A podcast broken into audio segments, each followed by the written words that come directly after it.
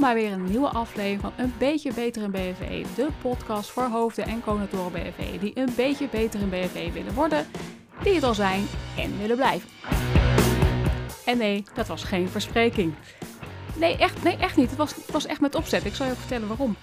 Ik heb namelijk van uh, een aantal mensen teruggekregen dat ze de langere podcast die ik de afgelopen week heb geüpload, van pak een beetje een half uur tot uh, om en nabij een, uh, een uur, hartstikke leuk vonden, maar soms ook gewoon wel erg lang. En dat ze eigenlijk gewoon mij de vraag stelde, kun je niet gewoon wat kortere podcasts maken? Want ik heb het gevoel dat ik er nu tijd voor moet inplannen. En uh, nou, daar heb ik gewoon niet altijd zin in. Nou, dat, snap ik. en uh, tegelijkertijd realiseerde ik me dat ik inmiddels meer dan 300 artikelen op mijn blog heb staan. En daar ben ik heel erg blij mee. Daar ben ik ook super, super trots op. Um, en ik kan daarmee ook gewoon met recht zeggen dat ik het grootste BFV-blog van Nederland heb. En tegelijkertijd dacht ik, ja, maar dat doe ik er misschien wel wat te weinig mee. Um, en waarom? Want ja, weet je, niet iedereen heeft tijd en zin om al, uh, al die artikelen ja, door te gaan spitten. En dacht ik, ja, misschien is het wel gewoon een leuke manier als ik een aantal artikelen eruit ga halen en die in de vorm van een meer kortere podcast voor je ga uploaden. Dus dat is wat ik voor je ga doen. In deze aflevering, en ik zal dus even voor de duidelijkheid, deze uh, aflevering komt ook in geschreven vorm op uh, mijn website www.marikabaars.nl uh, te staan als blogartikel. Deze keer wil ik met je hebben over veiligheid thuis. We zijn namelijk al best wel weer een, ja, bijna een jaar, zo niet meer dan een jaar thuis aan het werk. En um, ja, dat, dat, is, dat vraagt veel van ons. En een tijdje geleden zag ik een, ja, vond ik een heel grappig filmpje. zag ik van ja, TikTok, denk ik. Uh, waarbij een man door zijn ja, buiten was gezet onder het mom uh, ontruimingsoefening, schat. En ik weet wat dat grappig bedoeld was. En, maar er zit natuurlijk wel een zekere kern van waarheid in. En ook nut en noodzaak. Want op het werk vinden we het heel normaal dat alles veilig is. We verwachten er heel veel van. We willen dat het uh, gebouw bouwkundig en installatietechnisch op orde is. En dat er ook voldoende bedrijfshulpverleners zijn die ons kunnen helpen in geval van ongeval, een beginnende brand of ontruiming. Maar ja, nu we zoveel als mogelijk thuiswerken en activiteiten buitenshuis beperkt zijn, vinden we veiligheid thuis dan nog steeds een prioriteit. Juist nu is het denk ik belangrijk om een activiteit te doen die de veiligheid thuis, en dus ook jouw thuiswerkplek, kan bevorderen. Dus ik zat op een gegeven moment te denken, zouden we eigenlijk niet thuis een ontruimingsoefening moeten gaan organiseren? En dan wel zo eentje dat je weer terug mag op het moment dat het dan afgelopen is. In plaats dat dit een subtiele hint was om vooral andere huisvesting te gaan zoeken af voor de, voor de man van het filmpje. En misschien dat je daar een beetje met je ogen draait. Je oh Mariek, hou op. Een ontruimingsoefening thuis, doe normaal. Maar lu luister, luister. Ik kan me voorstellen dat je misschien een beetje, misschien wel kinderachtig vindt. Overdreven, uh, geeft er een naam aan. Maar bijvoorbeeld in een land als Amerika lijkt dit toch een stuk normaler te zijn. Je moet dus weten hoeveel websites er zijn waar je home evacuation plans al niet tegen betaling kunt downloaden. En in die documenten worden tips gegeven over bijvoorbeeld de inhoud van rugzakken die je nou zou kunnen hebben om de eerste 72 uur naar een ramp door te komen. Ik weet het, wij zijn een landje dat toch een stuk nuchterder is en we hebben niet meteen een risico van een tornado of een heftige aardbeving. Uh, dus ja, is het nou allemaal wel nodig? Maar ik denk dat je ook niet moet onderschatten dat veiligheid geen, en het goed regelen ervan echt geen overbodige luxe is. Kijk, we, teamen, skypen, zoomen en bellen gewoon heel wat af met elkaar de laatste maanden. En waar je op het werk een intern alarmnummer hebt dat je kunt bellen of de receptie als je hulp nodig hebt, dat heb je thuis natuurlijk niet. Maar, en dit is ook op gebaseerd op een uh, filmpje wat ik zag op LinkedIn. Uh, dat was een uh, instructeur die, die uh, ja, had een soort van uh, online meeting uh, belegd. En ehm, die had geanceneerd dat hij in één keer ja, niet, niet goed werd. Hij ging met een dubbele tong praten. en je zou natuurlijk ook anders kunnen invullen. Bijvoorbeeld met dat iemand een epileptische aanval krijgt. Of iets anders waar je snel hulp bij nodig hebt. Wat kun je dan doen? Kun je dan alleen maar toekijken? Of kun je als toeschouwer dan ook zorgen voor hulp? Kun je 112 dan bellen? En zo ja, weet je dan ook de gegevens waar die dan naartoe zouden moeten? En ja, zo niet, wat zou je daar dan aan kunnen doen om toch de professionele hulpverlening te kunnen alarmeren? Heel eerlijk, ik weet niet wat de oplossing is. Misschien is de oplossing er ook gewoon niet. Maar wellicht is het wel gewoon goed om het eens een keer met, um, ja, met je collega's tijdens een volgende online meeting te overleggen. weet je, misschien heb je wel een collega waarbij het een goed gevoel geeft als je een afspreekt om dagelijks een appje te sturen. Of dat je iets met de buren afspreekt. Uh, al is maar een lampje aan, lampje uit, weet ik veel. om te kijken of het ja, goed genoeg gaat, zou ik bijna willen zeggen. En ja, in het verlengde daar ook van, heb je ook wel eens gewoon nagedacht over wat jij zou doen in de geval van een noodsituatie? Denk bijvoorbeeld in een brand in huis. En wat je daarvoor met je ja, eventuele partner en of kinderen zou moeten afspreken.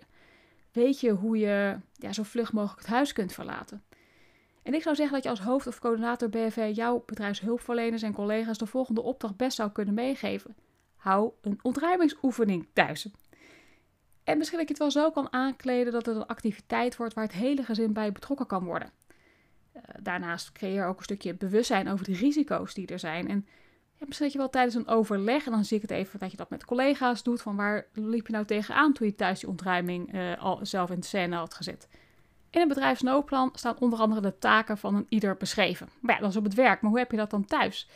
Heb je dan bijvoorbeeld afspraken gemaakt wie welke taak uitvoert? Uh, bijvoorbeeld wie belt 112, wie kan een goede melding maken?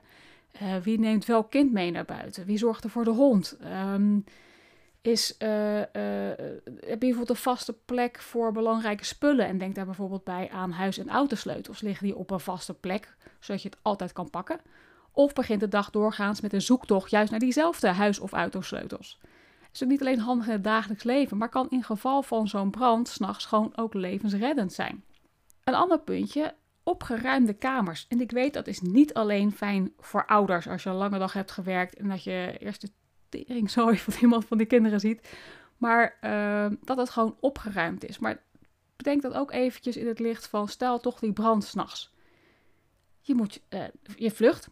Maar ja, zo'n Playmobil kasteel, dat staat toch eventjes lelijk in de weg op het moment uh, dat, je, dat het daarop aankomt. Of Um, dat die puber van je al die rondslingerende kleding op de grond gooit. Ja, dat maakt het snel en veilig vluchten ook wel een heel stuk lastiger.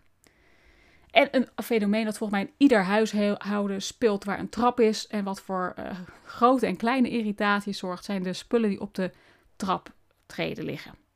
En in plaats van nou stoïcijns aan voorbij te stappen, neem ze mee naar boven. Zodat ze in ieder geval niet voor valgevaar zorgen. En ik weet het, ik weet dat iedereen zegt, ja, ja, ja dat, zegt, dat zegt mijn vrouw of dat zegt mijn man of mijn partner zegt dat ook altijd. En de ene keer doe je het wel, de andere keer doe je het niet. Maar doe het in ieder geval voor s'avonds, voor, voor de nacht. Dat op het moment dat je naar buiten moet vluchten, dat je niet van zoiets lulligs als, als een, een theedoek of zo, of, of, of een, een, een, een telefoonoplader van de trap afvalt. Want dan heb je echt wel een probleem. Of uh, bijvoorbeeld uh, de deuren naar buiten. Zijn die ook gewoon toegankelijk? Of staat er toevallig, misschien wel omdat je een klein huis hebt, of dat je dacht dat is een, uh, de minst onhandige plek voor nu, terwijl we thuis zijn, waar je de kinderwagen of een fiets of een rollator of weet ik wat daar hebt neergezet. En ook nog eentje, stel dat je, e-, ja, stel, je, laten we ervan uitgaan, je komt buiten. Waar spreek je dan met elkaar af? Het voelt misschien wat, wat, wat veel. Ik zeg, ja, moet ik dan een verzamelplaats gaan afspreken? Kijk, ik zal de laatste zijn die zou zeggen, je moet een speciaal bord kopen en die daar neerzetten. En dat je dan even zegt, nou, met jullie familienaam, dit is onze verzamelplek, jongens. Maar stel nou dat je wel bijvoorbeeld een, een bepaald markant punt kan kiezen. Bijvoorbeeld in de straat of een stukje verderop op een pleintje of weet je. Dan weet je in ieder geval wel waar je elkaar kan, kan vinden. Uh, een ander ding, en dat is zeker ook in het, uh, als jij een, een, tuin hebt met bijvoorbeeld een achterom en die zijn doorgaans gewoon niet echt lekker verlicht, Misschien is het wel een idee om te gaan kijken voor een buitenlamp, al dan niet uh, met bewegingssensors. Niet alleen om de inbrekers af te schrikken, want ja, weet je, dat is één ding, maar het kan ook letterlijk en figuurlijk gaan over de noodzakelijke verlichting wanneer je donker naar buiten moet vluchten. Er zijn dus ook genoeg zaken waar je rekening mee kunt houden om in geval van nood zo veilig mogelijk dat georganiseerd te hebben. En ja, ook daar weer, ik snap dat als je zegt, ja, dan moet er zeker ook een evaluatie komen ja, dat was wel mijn volgende punt eigenlijk. Ook dat kan je natuurlijk weer helemaal inkleden zoals je wil. Je kan er wat mij betreft een hele familiebijeenkomst van maken. Maar, uh, of gewoon een stuk informeler. Van jongens, oké, hoe gingen we dit nou doen? Waar liepen we tegenaan? Wat liep goed? Wat liep nee, niet zo lekker? En uh, kijk wat je eraan kan doen. Soms is het gewoon toch weer even het herzien van de afspraak. Of iemand een bepaalde taak geven. Hè? Dat gewoon zoals je dat in een situatie op het werk ook gewoon kunt, uh, kunt hebben.